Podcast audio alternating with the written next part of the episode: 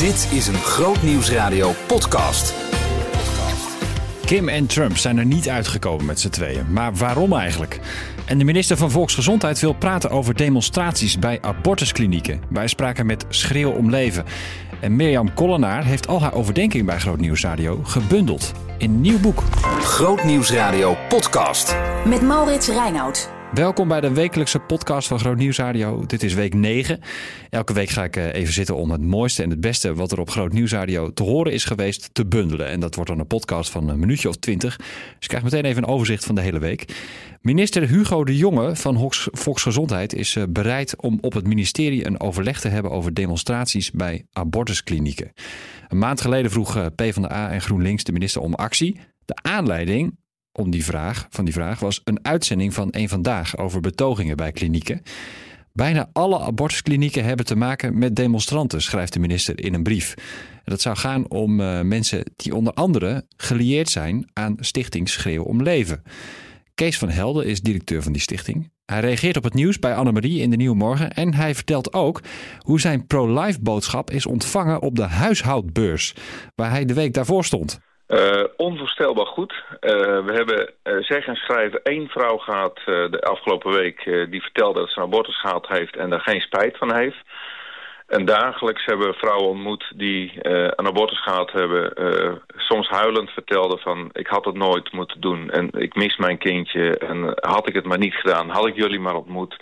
Dus we krijgen enorm veel sympathie dat we daar staan op een wereldse beurs...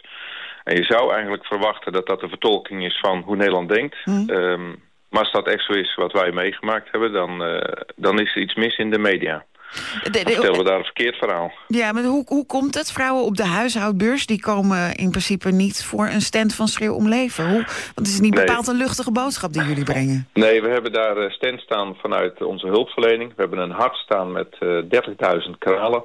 Dat trekt uh, erg veel aandacht. Uh, daar komen de vrouwen uh, naartoe, vragen over, een begin gesprek over. En van het een komt het ander. Maar er is ook een negen maandenbeurs. die is eraan gelieerd de laatste dagen. Dus um, daar komen heel veel vrouwen die zwanger zijn. Mm. Het ene verhaal na het andere verhaal komt los. Ook hele mooie trouwens hoor. Ja, welk verhaal staat u het meest bij? Nou, vrijdagmiddag komt een vrouw naar me toe met een babytje in een draagdoek naar me toe. En uh, ze zegt, uh, meneer, ik, ik wil heel even mijn kindje aan u laten zien. Want uh, dit kindje is er dankzij een gesprek met een van de mensen afgelopen jaar. Dus ik wil het even laten zien. En toen was ze weer weg. En dan denk ik, oeh, wauw, dank u heren. Zo. Dat u ook dit soort dingen laat zien. Gewoon dat het zin heeft om te vertellen over abortus. Zin heeft om met mensen in gesprek te gaan dat ze kunnen kiezen voor het leven. Ja, dat zijn hele bijzondere ontmoetingen... die zomaar tussen aanhalingstekens op de huishoudbeurs plaatsvinden. Um, niet overal wordt jullie aanwezigheid op prijs gesteld. In het nieuws en de kanttekeningen die worden geplaatst bij demonstraties... bij abortusklinieken. Hoe demonstreren jullie daar? Uh, wij demonstreren niet, dat is juist het uh, vreemde. Wij doen aan sidewalk counseling, dus dat betekent dat we met uh, twee, drie mensen bij een abortuskliniek staan. En bij het abortuscentrum vragen we aan mensen of ze iets mogen vragen. Zeggen ze nee, dan doen we dat ook niet. En de politie en de, ehm, de gemeentes hebben ook onze werkwijze. En via deze manier uh, gaan we met mensen in gesprek. En elke week, echt elke week, en het gebeurt ook wel eens meerdere keren in de week... treffen wij vrouwen die onder druk staan... en die uh, onze hulp accepteren en daardoor hun abortus afzeggen in abortuscentrum. En die letterlijk uh, zich omdraaien? Ja, die zich echt letterlijk omdraaien, hulp accepteren. En het is opvallend hoeveel vrouwen onder druk staan van partner en, uh, en familie. Zelfs op de huisartsbeurs is dat ook een, een gemene deler die we heel regelmatig terugkrijgen. Ja, maar u zegt, eh, wij staan bij abortusklinieken, dat is ook helemaal geen geheim... met twee à drie mensen en we vragen vrouwen of we hen iets mogen vragen. Maar goed, u bent ja. niet de enige organisatie die er staat, nee, dus er zijn er meer. En dat, dat is het beeld dat we zien in de media, hè? Met, met borden ja. en ja, agressief is nou, niet het goede is, woord. Dat maar... is ook het, uh, de aanleiding van het uh, fake nieuws uh, van Eén Vandaag. Eén Vandaag heeft, Waarom noemt u het fake nieuws? Omdat wat zij verteld hebben gelieerd wordt aan schreeuw leven. We hebben het ook weerlegd bij politie, we hebben het weerlegd bij de gemeente... we hebben het uh, weerlegd bij het ministerie van Volksgezondheid... en weerlegd op onze website schreeuwomleven.nl. Daar staat het helemaal uitgelegd. Ze hebben bijvoorbeeld een, een filmfragment getoond van een hele agressieve demonstratie uit Amerika. Mm. En de voice-over was daarbij, dit soort demonstraties komt ook naar Nederland bij abortusklinieken. Mm. Um, het was alleen geen pro-life demonstratie, het was een demonstratie juist voor abortus uit Amerika. Dus een vandaag heeft een beeld uit Amerika misbruikt om uh, demonstranten in Nederland uh, in een frame te zetten. Mm. Ja, en daar krijgen we heel veel reacties op. We hebben bedreigingen binnen gehad op kantoor. mensen bij klinieken worden bedreigd. Daar hebben we ook aangifte van gedaan. Er is ook met politie over gesproken. Uh, dat vind ik pijnlijk. Dus dat er dingen worden verteld die pertinent niet waar zijn. Die pertinent onjuist zijn. Ja, en, nogmaals, uh, u heeft net uitgelegd uh, hoe jullie te werk gaan bij abortusklinieken... waar jullie dus zeker wel staan wekelijks. Ja. Maar goed, minister De Jonge wil nu in reactie op die uitzending van Eén Vandaag... in gesprek met klinieken en gemeenten. Heeft u ook een uitnodiging gehad om bij zo'n gesprek te zijn? Nee, een hele scherpe vraag. Ik heb net de uh, brief nog een keer doorgelezen. Uh, dit vind ik ook het lastige. Welke minister brief? De, Jonge, die, de brief van minister De Jonge die ja. gepubliceerd is. Okay, ja. uh, als antwoord uh, begeleidend schrijven op de Kamervragen. Daar zegt hij ook in dat hij met de betrokken partijen in gesprek gaat.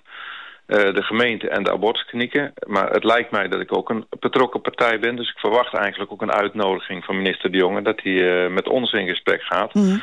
Want het is niets vervelender als dat er over je wordt gesproken en niet met je. Ja. En jullie uh, van Groot Nieuwsradio zijn trouwens het enige media die contact heeft opgenomen na de brief. Voor de rest is niemand uh, die contact opneemt, maar wel schrijft over je of praat over je. Ja.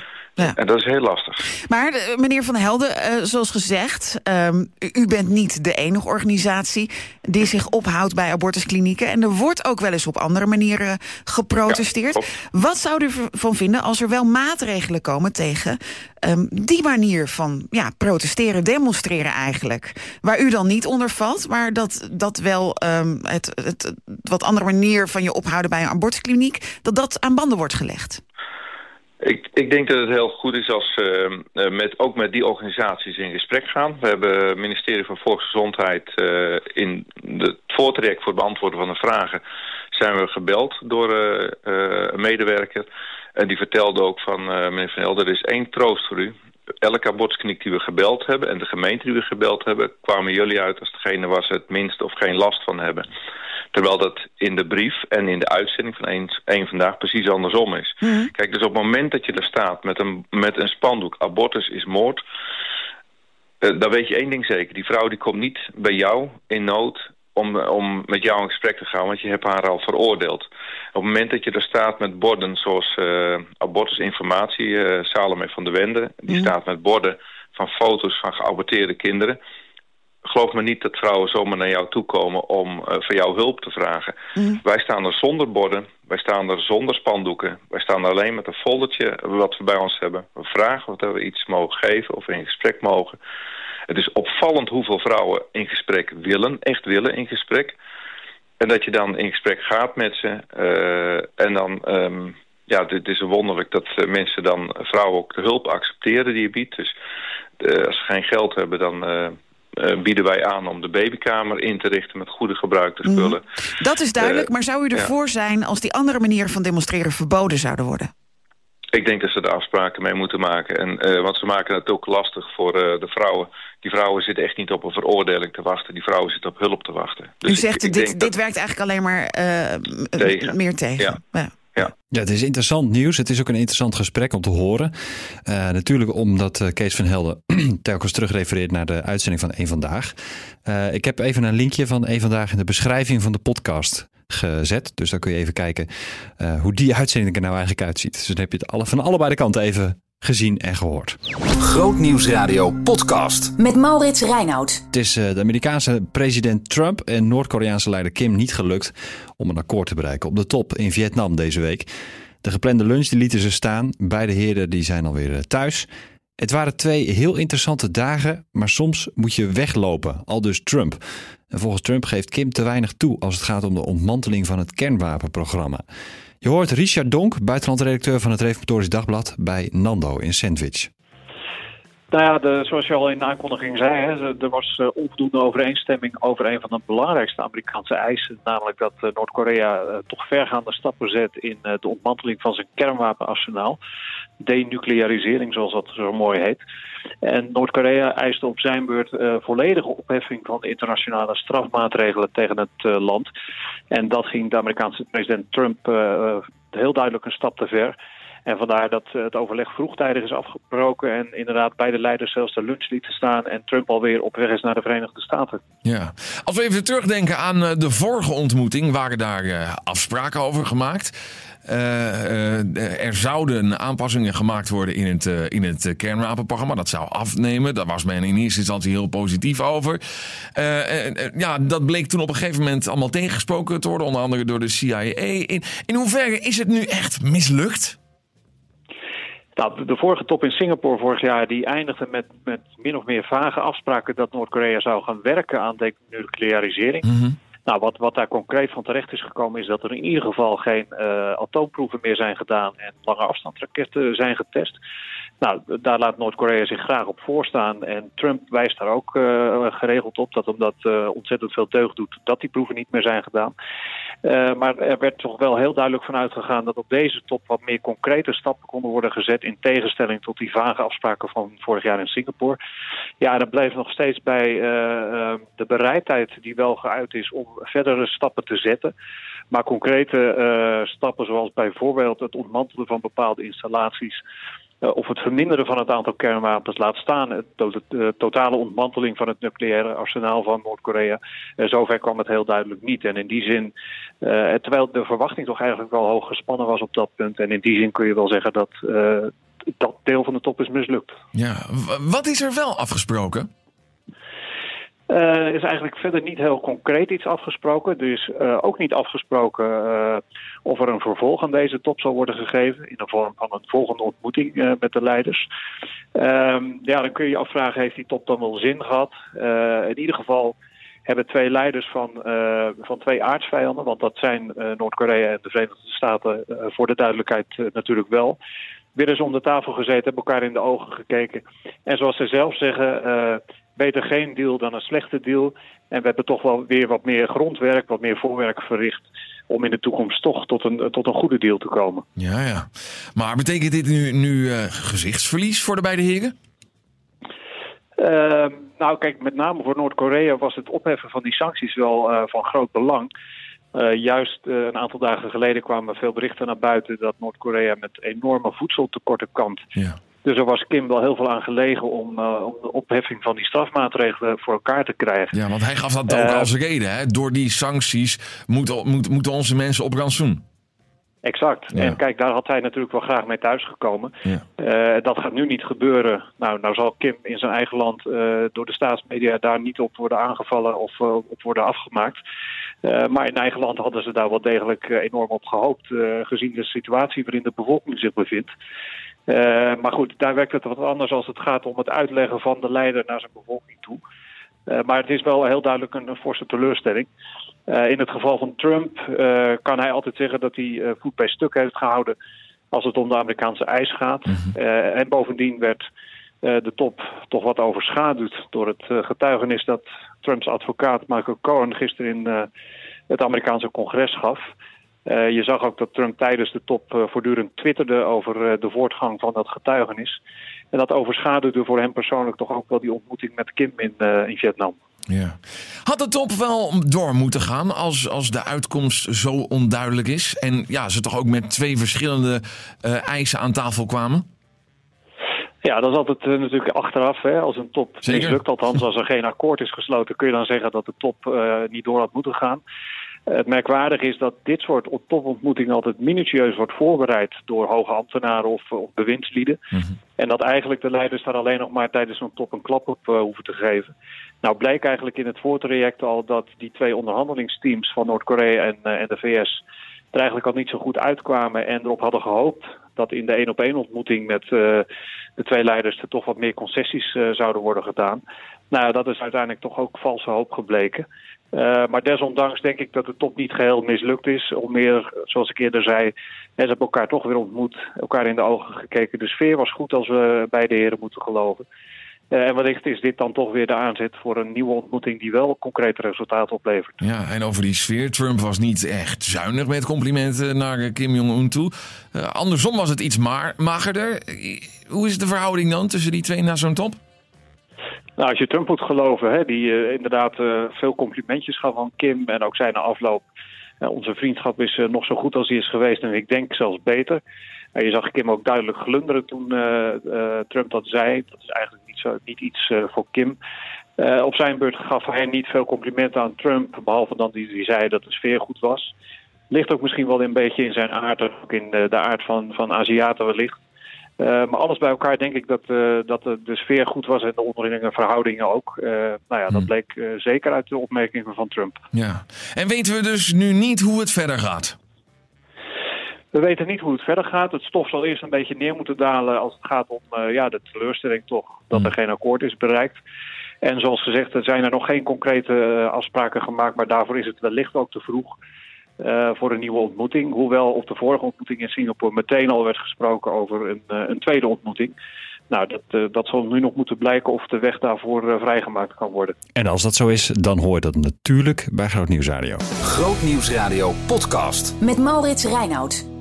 Groot Nieuwsradio is natuurlijk een christelijk radiostation. En dat kun je op verschillende manieren horen. Bijvoorbeeld door de muziek die wordt ingepland, maar ook door de onderwerpen die we uitkiezen. De getuigenissen van gasten, van presentatoren. En je hoort het ook aan de overdenkingen in de ochtend. Ehm, dat zijn soort van korte meditaties van een paar minuutjes. Uh, die gaan over het leven in het geloof. En een van die overdenkers, of tenminste voormalige overdenkers, is Mirjam Kollestaart. Zij uh, stopte anderhalf jaar geleden en uh, uh, inmiddels heeft ze al de overdenkingen die ze heeft gedaan, 52 stuks, uitgebracht in boekvorm. En ze refereert even bij Annemarie in de Nieuwe Morgen terug aan de tijd dat ze die overdenkingen nog maakte. Wat eigenlijk best wel pittig was. Ja, dat is heel grappig. Want eigenlijk is dat wel iets wat ik um, ook vooral heel scherp zie achteraf. Hè? Mm -hmm. In die tijd uh, vond ik het soms ook best wel een hele belasting. Dat was ook wel de reden waarom ik ermee gestopt ben dat ik het hele belasting vond eigenlijk om elke week die deadline te moeten halen. En elke week wat zinnigs te moeten zeggen. En je nam ze, je nam ze meestal s'nachts op, hè, de overdenkingen. Ja, ik schreef ze s'nachts en dan moest ik ze s'nachts nog opnemen. Ja, dat was altijd... ik was altijd heel blij dat jullie daar niet zenuwachtig van werden. Dat je ze zo kort van tevoren kreeg. Ja, ik denk dat we, dat we één of twee keer elkaar s ochtends vroeg aan de telefoon ja, gehad hebben. Van, uh, zei ze er al? Dat jij zei, oh...